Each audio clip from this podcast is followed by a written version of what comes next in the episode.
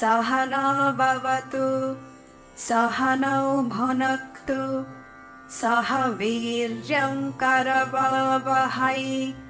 तेजस्विनावधीतमस्तु मा विद्विषावहै। ॐ शान्ति शान्ति शान्तिः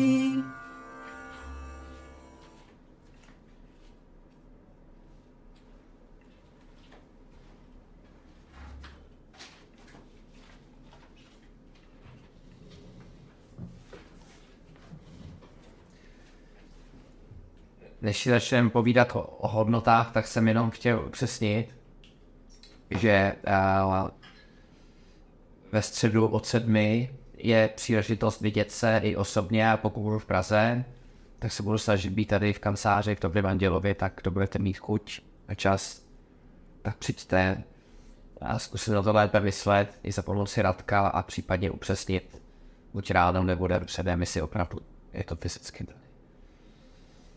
Tak s tím předám slovo za tobě. Já bych na to navázal, že rozhodně mezi 6 a 7 je lepší doprava. Uvidíme, jestli to vydrží, ale vzhledem k tomu, že už nastal nový školní rok, tak by se dalo předpokládat, že to tak zůstane. A teď jsem chtěl říct zpátky ke strojům, protože Zrovna včera jsem to slyšel úplně v, nějakým, v nějaký jiný sou, souvislosti, v jiném kontextu, ale míněno zpátky ke strojům, zpátky k hodnotám. Tak bych jenom chtěl upozornit na to, co jsme si říkali minule, protože by to bylo trošku něco novějšího, trošku něco, co jsme k tomu přidali. Protože častokrát si někdo může říkat, ty hodnoty, to je skvělý, já bych chtěl jako dodržovat a kdyby je dodržovali všichni, tak máme vlastně úplně ideální společnost. Ale je možné v dnešním světě a v dnešní době a v roli grhasty neboli hospodáře vlastní všechny ty hodnoty dodržovat stoprocentně. Zvlášť v některých zemích, kde třeba standardem je, pokud chci něco získat, například na nějakém úřadu nějaký po, nějaké povolení nebo nějaký doklad, je naprostým standardem třeba uplatek. Jak potom dodržovat 100% ty hodnoty? To byla, to byla otázka. To byla otázka. To byla v podstatě, já jsem si už položil řečnickou otázku, ale samozřejmě někdo by mohl položit tuto otázku i neřečnicky, teda mohl by pro, položit řečí, nicméně očekával by odpověď. no a my jsme si řekli, že především v roli, v roli grhasty se 100% ty hodnoty úplně dodržovat nedají. Právě proto jsou ty čtyři ašramy, a uh, zejména ta, ta, ta poslední fáze, toho fáze toho saniasího, kdy on se vlastně zřekne veškerých povinností v tom hmotném světě a že je vlastně jenom z milodarů. A jeho, dalo by se říct, jedinou povinností je předávat to učení a studovat a po případě provádět uh, Mananu a Nididyasanu, protože už se předpokládá, že už tou Šravanou prošel. Tak uh, dneska uh, v dnešní době vlastně se tomu říká Kaliuga, ale můžeme říct, že v dnešní moderní společnosti většina nebo 99% lidí žije v té grhasta ašramě neboli v té fázi hospodáře. A i přesto lze dosáhnout tomu, čemu říkáme eh, marketingově osvícení, nemarketingově osvobození nebo mokša, nebo úplně nemarketingově vnitřní imunitu vůči vnějším uh, otřesům nebo vnějším nepříznivým situacím. Takže zpátky k té mé řečnické otázce, která, kterou jsme si s Pavlem vlastně vyjasnili, že už je i neřečnická, protože i Pavla zajímá, tak eh, odpověď zní, že bychom se měli snažit stoprocentně ty hodnoty dodržovat. Ale védy připouští právě výjimky, že když společenská situace nebo právě situace v některé zemi nebo v nějaké kultuře, třeba v té uh, východní, míněno spíš neindické teda, uh, prostě v té azijské, tak častokrát uh, vlastně se očekává, očekávají úplatky, nebo lidi jsou běžně zvyklí na nedodržování slova nebo na určité podvůdky a podvody a je to pro ně vlastně standardem. Tak eh, přesto Vedantin by i v takovýchhle situacích se měl snažit ty hodnoty dodržovat. A my jsme si řekli, že je na to dobrá metoda. Říct si, respektive udělat si introspekci. Ideálně denně, protože si to vlastně pamatujeme, ale prostě za nějakou dobu, třeba týdně, jednou týdně nebo jednou měsíčně, si říct, kdy jsem kterou hodnotu porušil. A pak, pak se na to zpětně podívat a říct si, jestli bylo opravdu nutné v téhle situaci porušit nebo nebylo. A někdy můžu dospět vlastně k názoru, že to nutné bylo, protože bez toho bych prostě, já nevím, nezískal stavební povolení nebo něco ale někdy se může, může zdát, že na první pohled bylo nutné tu hodnotu porušit, dát někomu úplatek nebo někomu eh, třeba zalát nebo eh, udělat nějaký malý podvůdek. A vlastně z toho zpětného pohledu zjistíme, že to, že to nebylo nutné. Tak eh, z toho bychom se měli vlastně udělat potom závěr a udělat si určitý závazek, že do budoucna se v těch situacích, kdy jsem si analyzoval zpětně, že nebylo nutné ty, ty hodnoty porušovat, tak je neporušovat. A mělo by se časem nutít, Mluví o tom Krishna někdy v, v nějaké kapitole Bhagavad Gita, Petr možná bude znát verš i kapitolu, ale on říká, odej se mi a já se postarám, vlastně to postarám. Takže a, Mělo by se jakýmsi v úvozovkách zázrakem stát, že ty situace, když já projevím snahu je eliminovat, to porušování těch hodnot, tak by se postupně mělo stát, že, těch, že, těch, že ty příležitosti, kdy je musím porušovat, sami od sebe, sami od sebe budou ubývat. To je, to je myslím jako zajímavé. Takže to je taková novinka k hodnotám, vlastně se týká jak té introspekce, při ta introspekce pak uh, potom uh, je základem pro nějaký můj závazek. Parmata říká, který je introspekce a autosugestce. Ale ta autosugestce znamená, že si vlastně dávám nějaký závazek. No, tak to jsem jenom chtěl k těm hodnotám. Kolik máme času? Ještě dvě. Pět minut. Uh, no. Začneme z, le, z, z lehonka, když nastal ten nový školní rok, ale už, už uh, nebudeme zase až tak úplně schovývaví, jako jsme byli o prázdninách. Uh, září budeme probírat uh, Acharya Pásanam a zejména budeme praktikovat Styrian neboli vytrvalost. Tak asi dneska řeknu něco krátce k té Acharya Pásanam. Radek má k tomu možná dobré poznámky, jak jsem doma slyšel na balkoně, když se opaloval Tak uh, ono to vypadá že v našem případě se to vlastně praktikovat úplně nedá, ale zase je na druhou stranu dobré o té hodnotě vědět. Protože kdo ví, i když máme učitele, tak někdo může mít jednoho dne opravdového, tím teď nechci říct, že Petr není opravdový, ale opravdového guru, který má nejen to sebepoznání, ale opravdu to sebepoznání má tak uh, uvlastněné, že je opravdový má hátma, neboli ten velký guru, velký uh, velká, velká osobnost, bychom to asi volně mohli.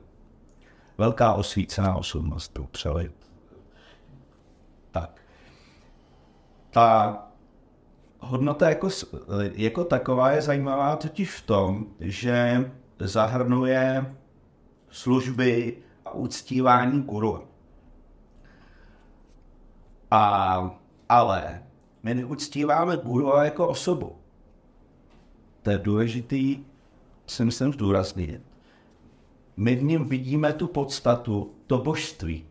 Takže když někdo dělá tu namaskáru, že mu padá k nohám, což my, když jsme byli poprvé v akademii, tak to tam dělali ty většinou indičtí studenti uh, s vámi čímu. Nám to přišlo trošku, protože jsme z jiné kultury, nám to přišlo trošku ne, nepřirozené nebo zvláštní ale oni opravdu v, v něm uctívají to božství, takže prostřednictvím té maskáry uctívají to božství. I když vím, že asi jemu to není nějak obzvlášť příjemné, protože k tomu má, myslím, že nějaké přednášce k tomu nevyjádřují úplně nadšení, ale chápe samozřejmě, z jakého důvodu se to dělá. A ta služba tomu učiteli je, má několik uh, přínosů. Za prvé, může poskytnout nebo pomoci, protože my víme, jak se získávají, ale je to jedna z dalších možností, jak získat ty čtyři kvalifikace. To víme ty čtyři Dčka. Čtyři Dčka jsou rozlišování. Odpoutanost neboli objektivita. Pak je ta sebekázeň a pak je ta mumukšutva neboli ta spalují, spalující touha po poznání. To znamená, že by to neměla být jenom nějaká obyčejná maličká tužbička, ale měla by to být opravdu spalující touha. No a právě to uctívání toho učitele nebo služba učiteli může právě pomoci i ke získání těch čtyř kvalifikací, neboli způsobilosti poznání, nebo způsobilosti k osvojení si poznání. A samozřejmě, když eh, ten žák je ve styku, přímo ve styku s tím učitelem, tak eh, i za pomocí mimoslovní komunikace vlastně on přirozeně vstřebává ty hodnoty, uh, možná způsob života, způsob říš, řešení problémů, jak, jak to ten učitel praktikuje, pokud, pokud uh, je moderně osvícený. A pak je tam ještě další přínos, tohle se týká guru obecně, ale my, my známe dva druhy guru. Může, jeden guru nazval bych guru typu dušek, který, když ho posloucháte a máte už nějaký povědomí o vedence, tak asi tak tušíte, o čem mluví. Ale je na něm vidět, že, že on neprošel tím správným učením, tou správnou posloupností a občas prostě plácá některé trošku neúplně srozumitelné věci. I, i, I styk s takovýmhle guruem má smysl, ale ten poskytne jenom tu přípravu, tu čistotu té mysli může poskytnout. Ale už neposkytne to vzdělání, to, to, to, to poznání, protože uh, nespadá do té linie.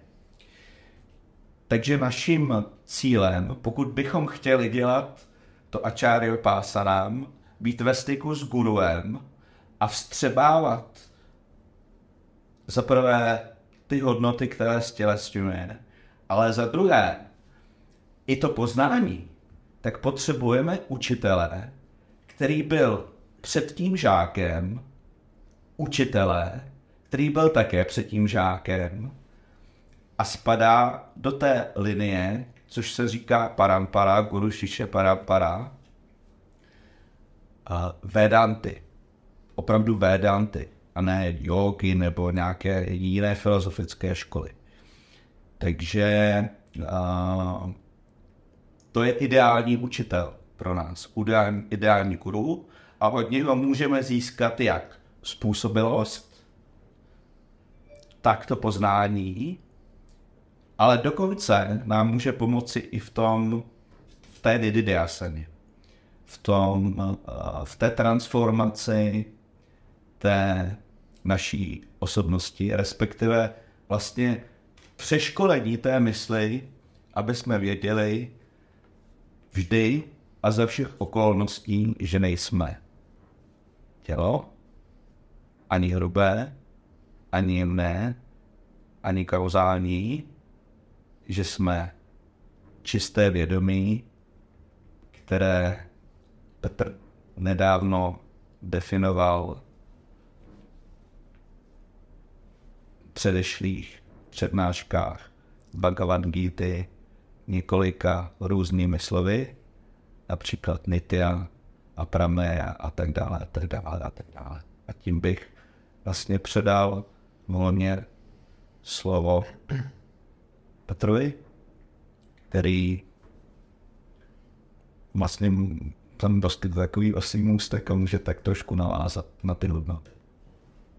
A příště si zase řekneme něco o Acharya Pásanam a budeme pokračovat s Tajriam, protože Tajriam je taky jedna důležitá hodnota, je to hodnota důležitá na vysvětlení, jednoduchá na vysvětlení, ale důležitá a, a trošku obtížná na praktikování a řekneme si i nějaké triky a případné postupy, jak praktikovat s Tyriam. Takže o svým ústek už jsem zamluvil, ale znovu ho vracím.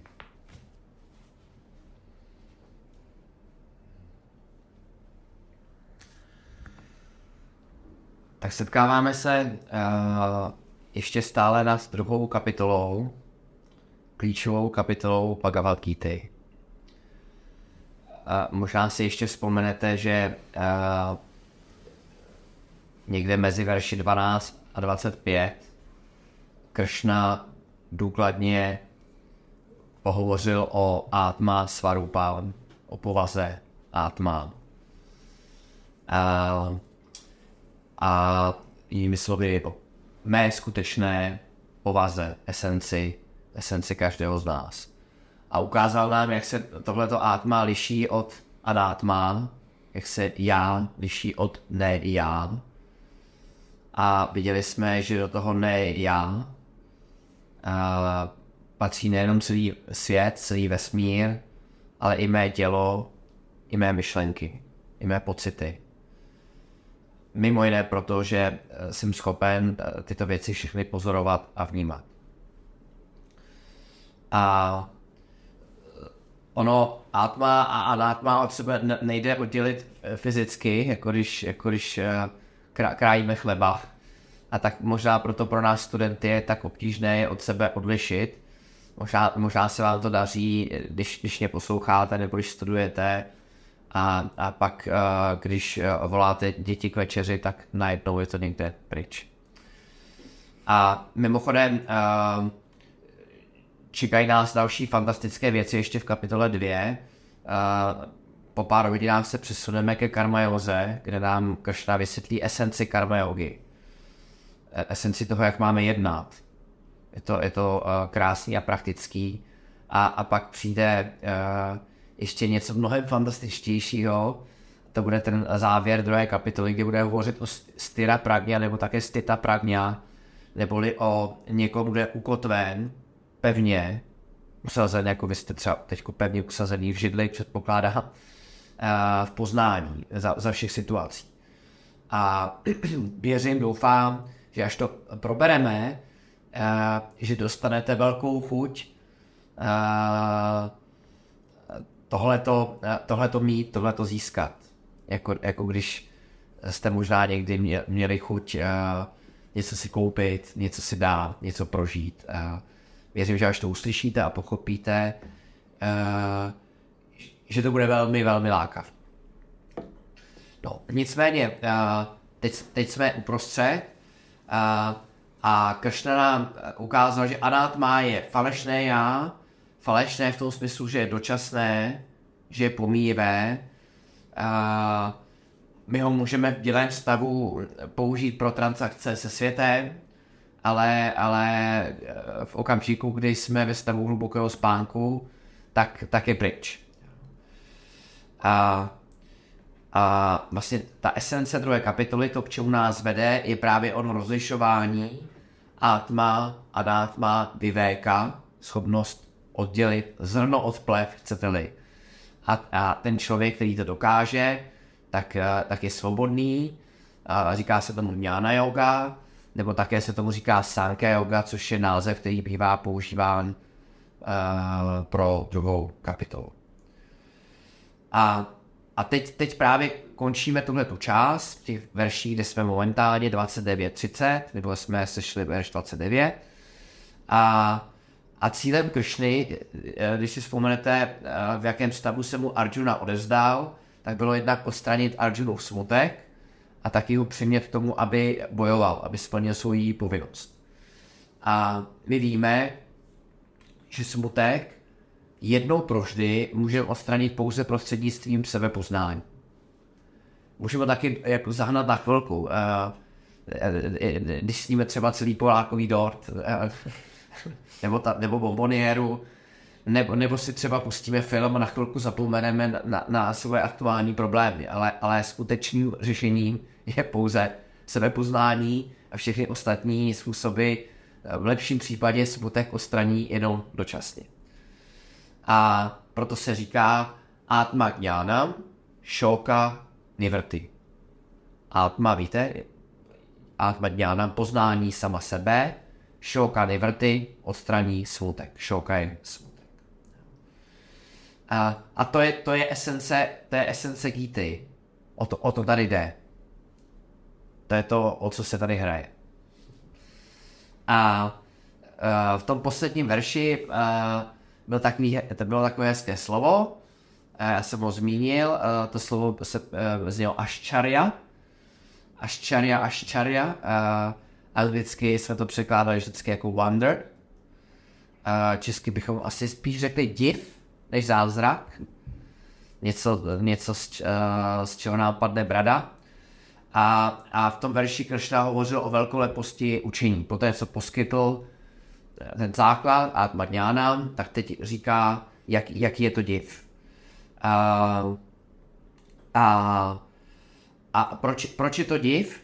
Protože na první pohled každý z nás usiluje o něco jiného. Jeden si staví dům, a druhý a toužit potom mít děti, třetí chce vybudovat úspěšnou firmu, čtvrtý chce uh, uh, složit sonátu, ale ve skutečnosti sečteno, potrženo, všichni hledáme plus minus to samé, to je ta zkratka, kterou jsme si tady, kterou Jindra nám pomohla dopilovat, komerční banka švýcarská. A klid bezpečí štěstí, ve finále hledáme klid bezpečí štěstí. No a, a for, je, for je v tom, to je, to je právě ten, ten uh, div, že to co, to, co, to, co ve skutečnosti hledáme venku, a to za se pachtíme, jsme, jsme my sami. Je to skoro taková glumo, glumová hádanka.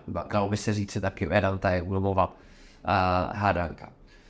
A protože v každém z nás, a zkuste si to promítnout, je vlastně hluboce zakořeněný pocit nejistoty. A pokud pokud jsme chudí, máme malý příjem, nebo relativně chudí a přemýšlíme, jestli budeme mít na eh, nájem, nebo jestli budeme mít na to, abychom dětem zaplatili školu, nebo až se nám rozbije pračka, jestli budeme mít možnost si koupit novou, a že bychom si mohli půjčovat, tak máme v sobě takovou esen, nebo esenciální nejistotu, jestli mě vyhodí z práce, jak, jak vyjdu. A zároveň, ale lidi, kteří mají hodně peněz, myslím si, že někteří z nás a tady v téhle studijní skupině o tom něco ví, nebo to vidí ve svém okolí, tak a, a, vůbec neznamená, že se, že se toho pocitu nejistoty zbavili. Pouze ten pocit nejistoty se mírně přeměnil a ta nejistota se týká toho, jak ochránit ten majetek a ty peníze, který ti lidé nabili. A já si bytostně pamatuju, je to hodně dávno, když jsem poprvé přijel do Vedanta Academy, vůbec jsem tomu nerozuměl, dostali jsme peníze za papírius a jdu za Svámičím a říkám, Svámiči, já to vůbec nechápu, my máme hromadu peněz na účtu a já mám normálně teďko jako strach od peníze. A, a, přizná, a přiznám se a pamatuju se na to dobře, protože mě to zeskočilo. Mě vůbec nenapadlo, že když prodáme firmu, o kterou jsme se moc nebáli, a tady, tady je nějaký, nějaká kupice peněz, že najednou přijde strach. A, a to je důkaz, eh, jako, to, to v podstatě totální nevědomosti, eh, nepochopení, nepřipravenosti. Dneska je to samozřejmě jasnější. No, to znamená, že každý z nás, ať jsme chudí, takzvaně chudí, nebo takzvaně bohatí, je zakořeněný pocit uh, nejistoty.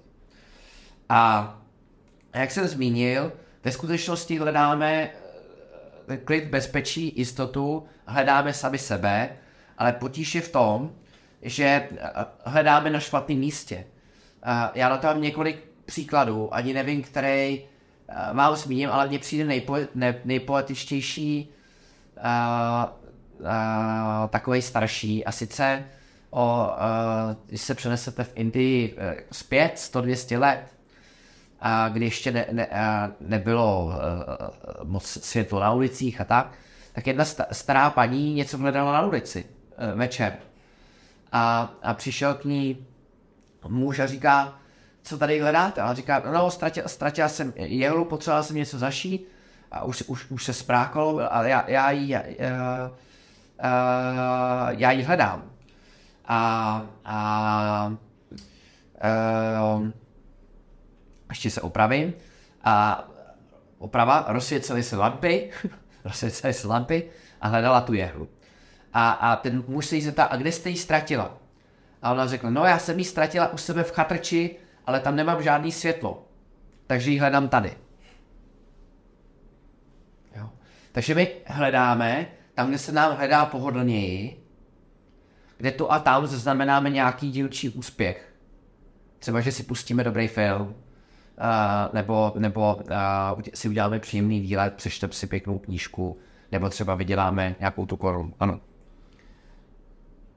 V tom textu si naleznete ten druhý příklad toho uh, hledajícího v té nádrži, jestli se to pamatujete že při nějaké slavnosti, nevím, ta která se koná jednou za x let, spočívá v tom, že se prostě a, nějací asi pravděpodobně praktikující takzvaně bakteriologu jdou vykoupat do nějaký nádrže, aby se jako očistili. A jeden, jeden z nich tam prostě ztratil prsten v nějaký nádrži. Jenomže samozřejmě sam, každý se tam chtěl očistit, takže tam bylo narováno a on tam prostě, když se položil, tak tam vlastně nic neviděl žádný prsten tam nemohl najít. A vedle byla jiná nádrž, ta byla prázdná. Tak on šel a hledal ten prsten v té vedlejší nádrž. No a teď ho viděli jako různí lidé, ptali se, co dělá a říkali, a on říkal, no já jsem ztratil prsten, tak, tak ho hledá v té nádrži. Tak oni, protože všichni uměli a chtěli praktikovat karma jogu, tak mu chtěli pomoct, tak, tak šli do té nádrže s ním a hledali tam. Až po, po nějaký době někoho napadlo říct, co, co tady vlastně hledáš a kde se to přesně ztratil. A on říkal, no já jsem to ztratil v té druhé nádrži. A, a on říkal, a ty, ty jsi úplně blázen, proč to teda hledáš v této nádrži? Když tady to v životě nemůžeš najít. A on odpověděl, No v této nádrži se hledá líp. Protože tady není tolik lidí. Tady není tolik lidí. ale ta metafora je samozřejmě podobná. Hledáme tam, kde se to pohodlně hledá, ale kde to není. Ano. Tak, takže my hledáme a- a proto pro nás Atma, my sami pro sebe zůstáváme tím největším tajemstvím. A, a v určitém okamžiku, mimochodem ne hned na samém začátku Vedanty záměrně, protože by to bylo příliš brzo a studenti by nebyli připraveni, tak učitel prohlásí, to, co hledáš, seš ty sám. A Nebo je to uvnitř tebe. i tak. Uh, ovšem náš, náš problém, pro, uh, problém většiny studentů, protože jsme tak zvyklí studovat a přemýšlet, že máme tendenci si, tohleto atma objektivizovat. To znamená uh, dívat se na to jako na koncept, který, který je vně, který jsem schopen popsat, vnímat, uh, zkrátka se objektivizovat, oddělit ho od subjektu. A to je samozřejmě slepá ulička a, a učitel by nám měl připomínat, nikdy ho nehledej, protože ho nemůžeš najít, protože to seš ty sám. A, a, k této myšlence je potřeba se vracet. Uh, se, seš to ty. To znamená, že, že Atma, Brahman, chcete-li, je si způsobem v úvozovkách nový pohled sám na sebe. A, ale, ale ve, ve skutečnosti eh, je, je nový, ale samozřejmě vždycky, vždycky tady byl. Nový v tom smyslu, že v určitém okamžiku nám to dojde, ale ve skutečnosti víme, že Atma je mimo, mimo čas a prostor. A zase proto, pro tu novost eh, se dá použít příklad, on za to bude určitě dobře znát, ale uh, pandávů bylo šest a nicméně jeden z nich, jmenoval se Karna, si po mnoho, mnoho let, asi celý dětství a mládí, myslel, že není pandáva. Myslel si zkrátka, že je jako z jiné rodiny, že, že je někdo jiný. A, a, a myslel si, že těch pandávů bylo pět. A, a o, hovoří se svojí maminkou, o které neví, že je jeho maminka. Ta se jmenuje Kunty. A on si s ní povídá a klade jí různé otázky. A říká, třeba potkal jsem někdy toho šestého pandávu. A ona mu řekne, no nemůžu říct, že ho potkal, ale ani ti nemůžu říct, že ho nepotkal. Jo. Ona ví, že jí si. Ano, ona ví, že je její syn, jo. Uh, a, a v určitém okamžiku on pochopí, že je tím šestým pandávou. Uh, to znamená, že on vlastně rozpoznal sám sebe, pochopí, že je jeden z těch šesti, že je válečník, že je z z téhle znešené rodiny, jako, jako ti ostatní, a os, ostatní, ty ostatní si z něho celou dobu utahovali. A, a on si najednou uvlastnil, v určitém okamžiku mu to došlo, uvlastnil si ten fakt, že, že je ten šestý, že to na jeho maminka, že tehle těch pět uh, darybů jsou jeho, jsou jeho bráchové, ale, ale, ale důležitý je, proč vám to vlastně říkám, že nedošlo k žádný fyzické změně, není to ani žádný mystický zážitek, nějaký zážit, záblesk, světlo, záře. Jo. Je to zkrátka jednoduchý rozpoznání pravdy o něm samotným. Jo. A podobně, já jsem Brahma, aham, Brahma asmi, je rozpoznání faktu, skutečnosti o mě samotným. A, a dokud to nerozpoznám, tak si myslím, že jsem nějaký malý, nejistý, nenaplněný, případně rádoby úspěšný, mocný, zdánlivě sebejistý a, a, a spokojený. Takže proto, proto je to aščaria, jsem pořád u toho slova aščaria, div, neboli wonder, a, a jeden student se třeba diví, jak, ně, jak něco tak zřejmého mohl celou tu dobu nevidět, nevědět. Uh, a samozřejmě to můžeme interpretovat i tak, že to učení jako takové je, je div. A ta komunikace mezi učitelem a žákem je div. Tak tolik ten, ten verš, uh, který obsahuje to slovo aščaria. a, který jsme probírali minule. A taky div je to, že lidé, kteří to mnohokrát slyšeli, kteří to studovali, to ještě stále nechápou. To je taky div. Takže ať se na to podíváme z kterékoliv strany, tak je to prostě div divoucí to, to, o čem se tady podíváme. A hlavní překážko, povídáme, a hlavní překážku ještě ji zmíním, když půjdeme dál, je naše tendence a atma sebe sama objektivizovat.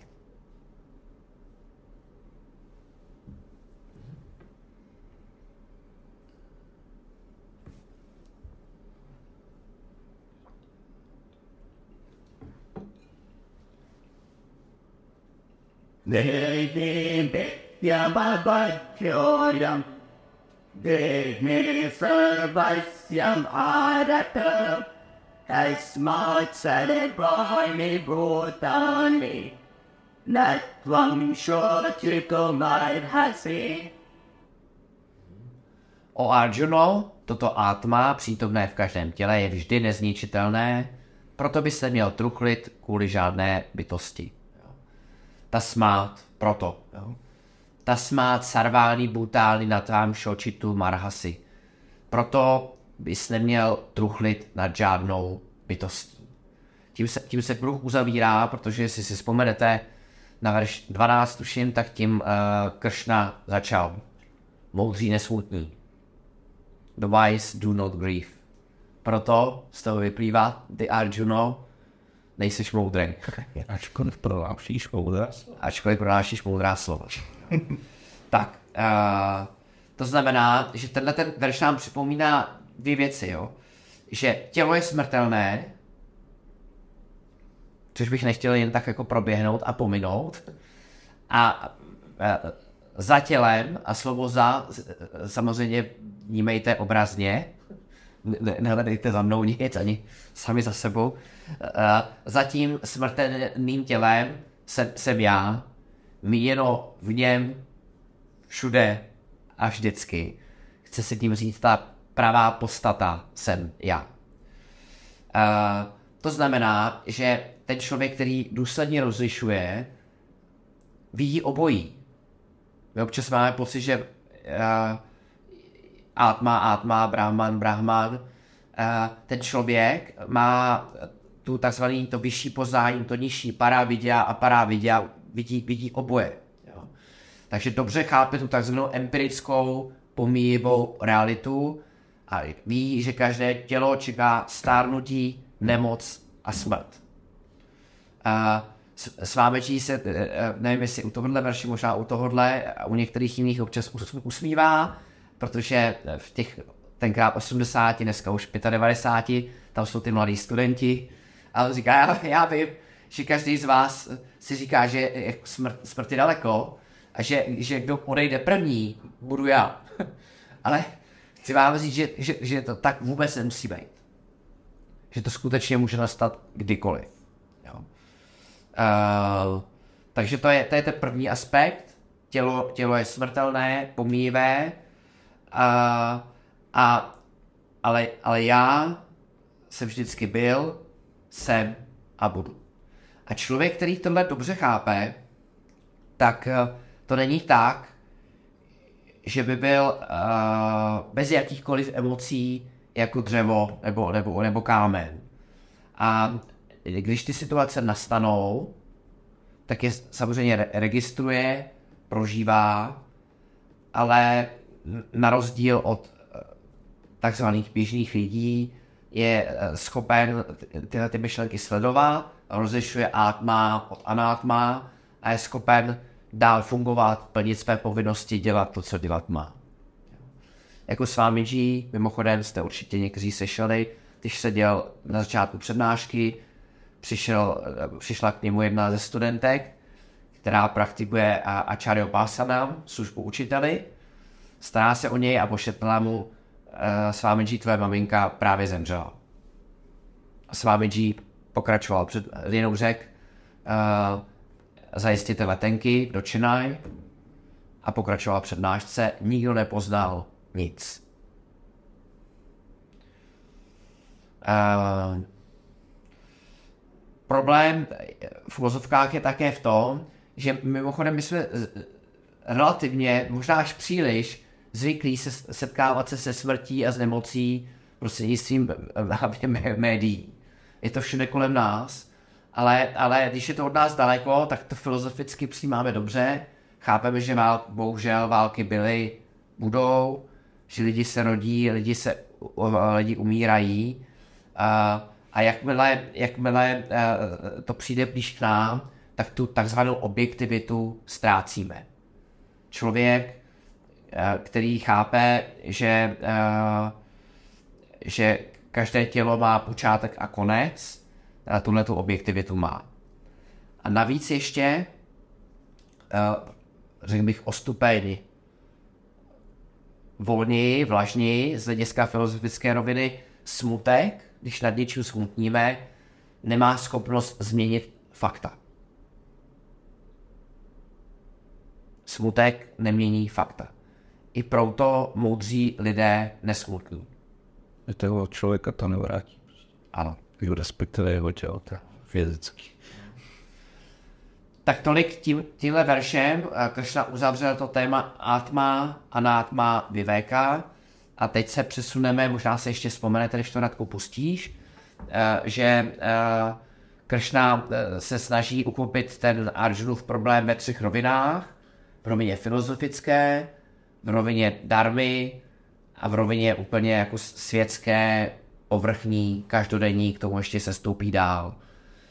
A teď, teď, teď jdeme na tu, řekl bych, střední úroveň, na úroveň darmy, to je schop, darmy a darmy, schopnost rozlišovat, co je a co není správné. Už jenom to mě takovou poznámku, protože jsme zrovna v takovém složení uh, pokročilém, bych řekl. Tak jenom, protože jsem se s tím nedávno setkal nějaký přednášce, tak bych se to docela rád uh, podělil. My jsme si říkali, a říká to Kršna, respektive říká to Vyasa prostřednictvím Kršny, že Atma, neboli vědomí, já mám ten výraz asi nejradši, překvěj nejméně subjektivní, je nitya. Ještě jednou. Je nitya. To, to, to žádná. Eh, Jo, že vědomí neboli Atma je nitya. Je to jed- jedna, jedna z, asi je to možná jedna z prvních charakteristik. Eternal, věčné. A právě, že slovníkový eh, překlad je věčný. Nicméně, když se nad tím zamyslíme, vzhledem k tomu, že Atma je mimo čas, tak překlad slova věč, nitya, slovo věčné, je vlastně nesprávný překlad. Ano. Takže bychom, ho, bychom to spíš měli překládat jako trvalé, nezničitelné, možná i trvalé je špatně, nezničitelné a tak dále. Jak? Nadčasové. Nadčasové. A, a překlad slova věčné není úplně, je samozřejmě dobré, protože, a, jak víme, Bhagavad Gita postupuje určitými kroučky, kdy vede studenta z, eh, z té jednodušší ke složitější a stále jemnější jakoby filozofii. Ale jenom jsem právě chtěl upozornit, aby jsme se nad tím trošku popřemýšleli, že, slov, že překlad slovo nity jako věčný není ideální překlad, protože to znamená, že, že, že uh, je v čase, jenomže je to vlastně přesně naopak. Ten čas je, je v něm. Ano. Proto používáme relativně dost sanskrtu, možná se vám to tak může jevit, eh, dost sanskrtu, Pavle, proto slovo nitya, protože když si ty slova postupně nacítíte, tak jako v češtině, tak eh, ta- slova někdy sama napovídají to, co se snaží říci. Třeba teď máme za měsíc září a dneska, když, když pokud vnímáte ten den, jaký dneska byl, tak je to krásný český slovo září, opravdu někdy září, doslova. Eh, Krásná viditelnost, září to barvama. Podobně nitya, nitya, eh, když se na to slovo zvyknete, tak si myslím, že eh, pro vás bude fungovat lépe než český překlad věčné, protože věčné naznačuje něco, co hodně dlouho trvá. Ono to taky může znamenat vlastně v tom lineárním vidění, Ano. že má začátek, ale nikdy nekončí. Ano. Což není pravda, protože on nemá ani začátek, ani konec. No, tak to jsem jenom chtěl dát jako pro zajímavost, jako takový, jak se říká, food for, for thought, uh, protože máme zrovna no, docela sestavu, myslím, po, pokročilou, takže nad tím můžeme filozofovat a trošku se brousat ten intelekt.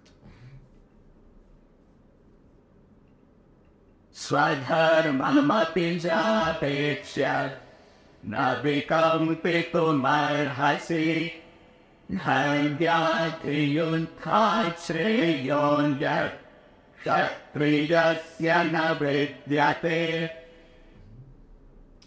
Svadharma.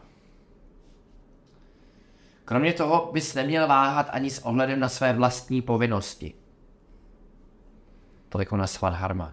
Protože pro kšátriu, válečníka, neexistuje nic vznešenějšího než spravedlivá válka.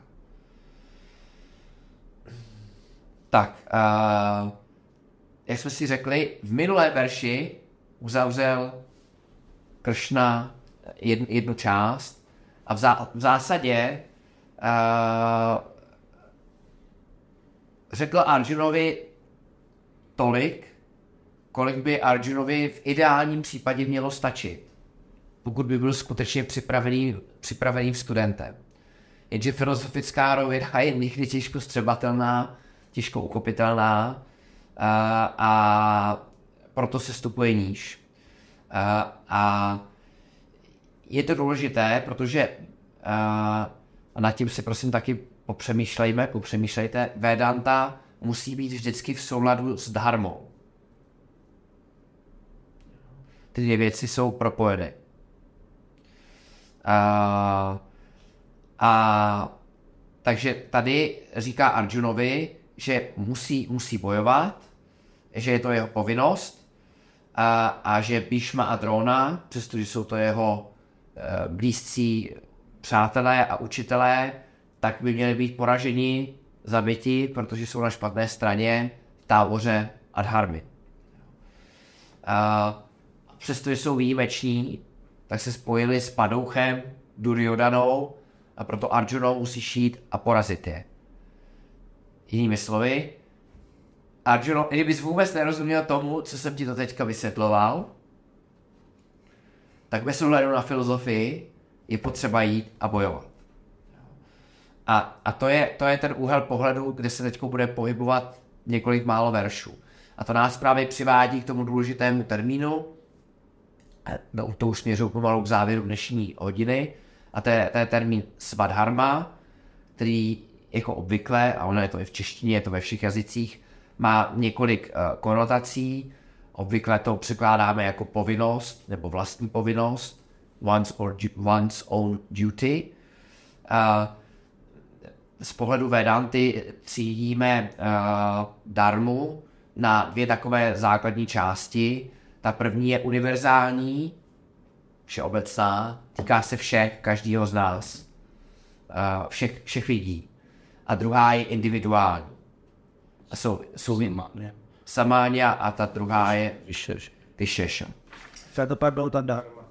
Dar, darma, Povinnost. po- povinnost. A v jiném kontextu taky darma a darma je dobro a zlo, Řád. nebo řád a neřád. Jo. A, a sva, si budeš pamatovat, pamatovat sva dharma, one's own dharma. Čili sva dharma je vlastní povinnost. Vyplývající z nějaké role, kterou mám. Protože když jsem lékař, tak mojí povinností je léčit lidi například. Ale když jsem, dneska ne, ale když jsem kat, tak je zase to povinností lidi zabít, no, popravovat. A No. my, my jsme to brali dřív jako v tom významu spíš jako, jako ty schopnosti, ne? Nebo ty vázaná s Ano.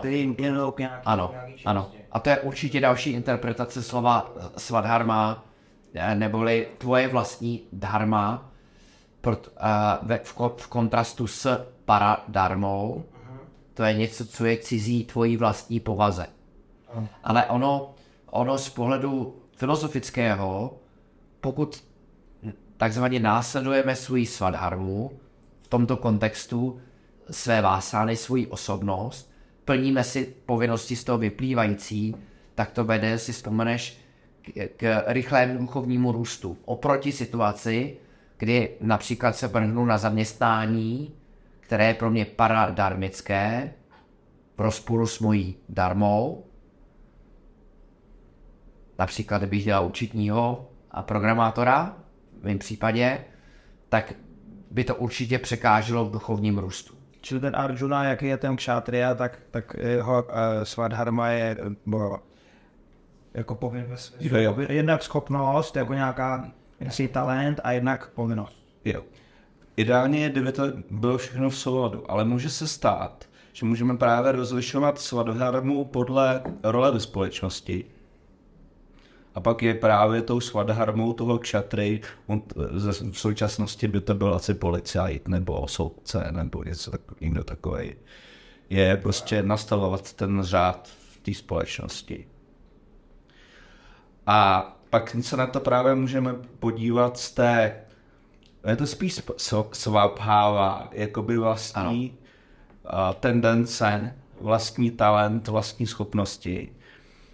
A někdy se to liší, ale ideální stav je, když se to propojí.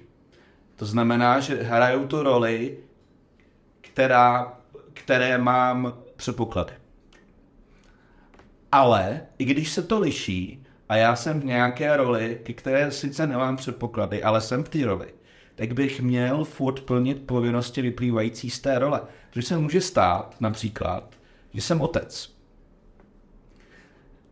Někteří otcové nemají talent být otcové. Přesto jsou otcové a jejich svadharma je, i když k tomu nemají ty ideální předpoklady, je plnit roli otce. Že to jakoby namane člověk se No, no, no. nějakým jako... Přesně tak. situaci, Takže pokud je Arjuna kšatriou, a ono se to zase lepší je používat tady v tom smyslu to, to sanskrtské slovo kšatria, než bojovník, válečník, že jo. Je to prostě kšatria je trošku víc, je to jako vznešenější pojem, je to někdo, jehož povinností je udržovat tu dharmu, ten etický řád ve společnosti. To je právě povinností toho kšatry. A ten verš mluví právě o tom. Navíc, navíc teda, když už to vlastně propojíme, tak i, kše, i Arjuna uh, měl k tomu předpoklady.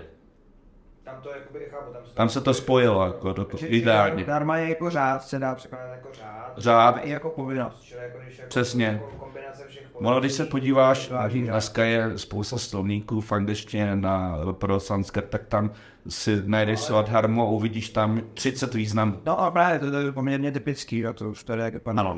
A ty slova často mají ty významy minimálně zdánlivě úplně odlišný. No, Daný kontextem. Proto je právě, právě docela velký problém, když eh, ty, no, když je to nějaký běžný sanskrtský text, tak to tolik nevadí.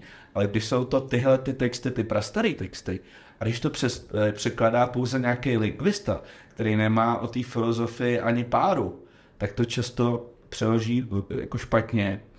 Eh, Vezme slovo, který najde ve slovníku a nevezme v úvahu ten kontext a pak ty verše častokrát nedávají vůbec smysl. No to tu si dovedu představit, protože zrovna v tomhle případě jakoby, jakoby tam ta vnitřní logika jakoby je, že vlastně slovo povinnost i slovo řád jakoby mají, mají v tom kontextu jako svoje, svoje, svoje jako nějaký propojení, tak jo, ale když se používají tak jako arbitrárně, jako jednou, jednou druhý, druhý, tam to... No Tady se to sešlo všechno, jo, ale povin, povinnosti třeba Brahmana, tam uh, on odarně může mluvit, může ji učit, ale, je, ale Brahmana, a to byl právě problém toho drony,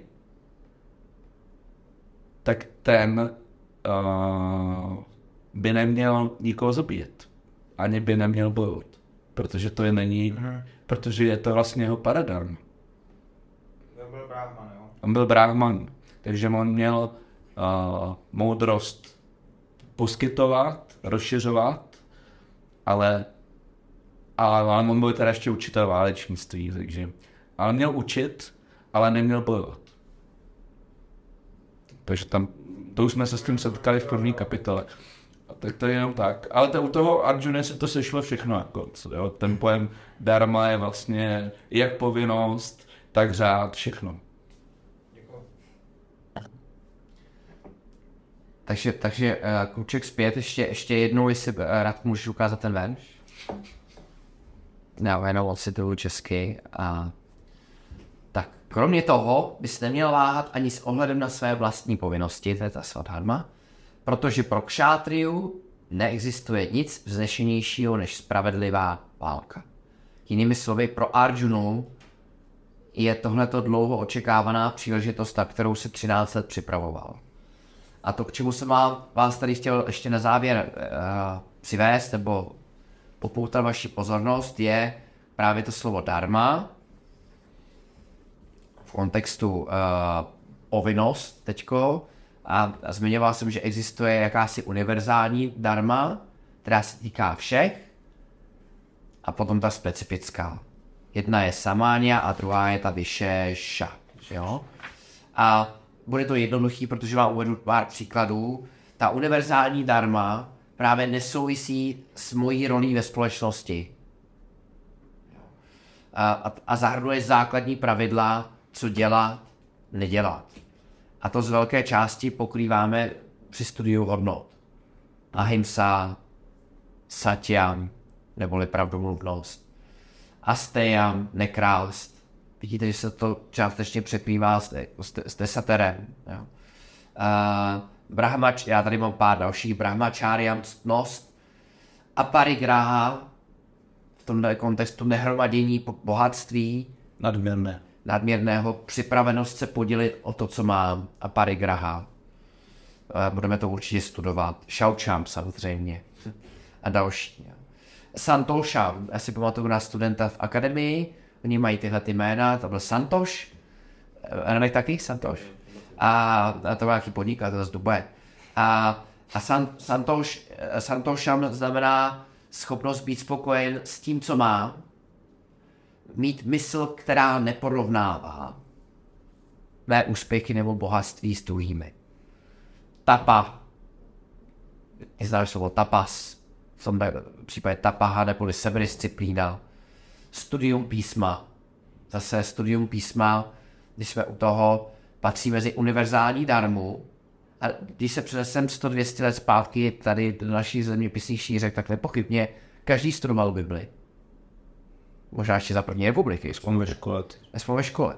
Jo, to znamená, že studium písma byla univerzální darma, samáňa darma, a je proto dobrý důvod, protože ve škole jsme se naučili řemeslo, jako odbornost, samozřejmě řadu dalších věcí, a, a, ale e, nenaučili jsme se tam například, jak se chovat e, k partnerce, partnerovi, dětem a takovéhle věci.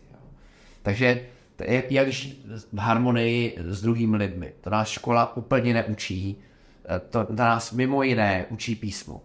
Proto je to dobrá příležitost si to říct, protože tady studujeme Gitu v našem případě, mohli bychom studovat i jiný text, vlastně není vůbec nic výjimečného. V dnešní době je to možná trochu neobvyklý, ale je to v zásadě jako základní eh, povinnost eh, pro to, aby člověk byl kultivovaným člověkem. Uh, tak. A, a potom jsou ty tzv. specifické povinnosti, uh, to je ta vyšší dharma a ty souvisí, ty se liší skupina od skupiny, profese od profese. Proto, proto uh, uh, jsme studovali ty čtyři uh, varny, chcete-li kasty nebo třídy. Uh, to byly ty uh, šudra, vajšia, brahmana, kšatria. Jsou to jakési čtyři základní, když se podíváte na společnost, tak tam můžete vidět čtyři základní skupiny lidí. První jsou ty, ta labor class, to jsou ty, co dělají to, co jim řekneme, že mají dělat, jinak nevědí, co mají dělat nebo nedělají nic. A pak jsou ty, ty obchodníci, zjednodušeně hodně řečeno, A pak jsou to ti brah- brahmanas, to jsou ti moudří, ti učitelé, filozofové, vědci. A pak jsou to ty kšátrias, který dbají na ten řád, zase v různých rolích. Takže samozřejmě každá skupina těchto těch lidí má svoje specifické povinnosti. A, a liší se to skupina od skupiny, liší se to mimochodem muž od ženy, ale také se to liší v různých fázích života. Když je mi 15, mám trošku jiné povinnosti, než když je mi 50 a trošku jiné povinnosti, když je mi 80. A, takže, jak jsme si řekli, v případě Arjuny, on je shodou okolností kšatrian, a ještě, ještě k tomu, jak, eh, jak jsme na to tady společně přišli, eh, bojovat je jeho svadharma. A proto pro Arjunu je tohle výjimečná příležitost, má příležitost ke spravedlivý válce a, a i kdyby vůbec nepochopil to, co mu Kršna eh, teď daleko sáhle vyprávěl, tak by měl jít a bojovat.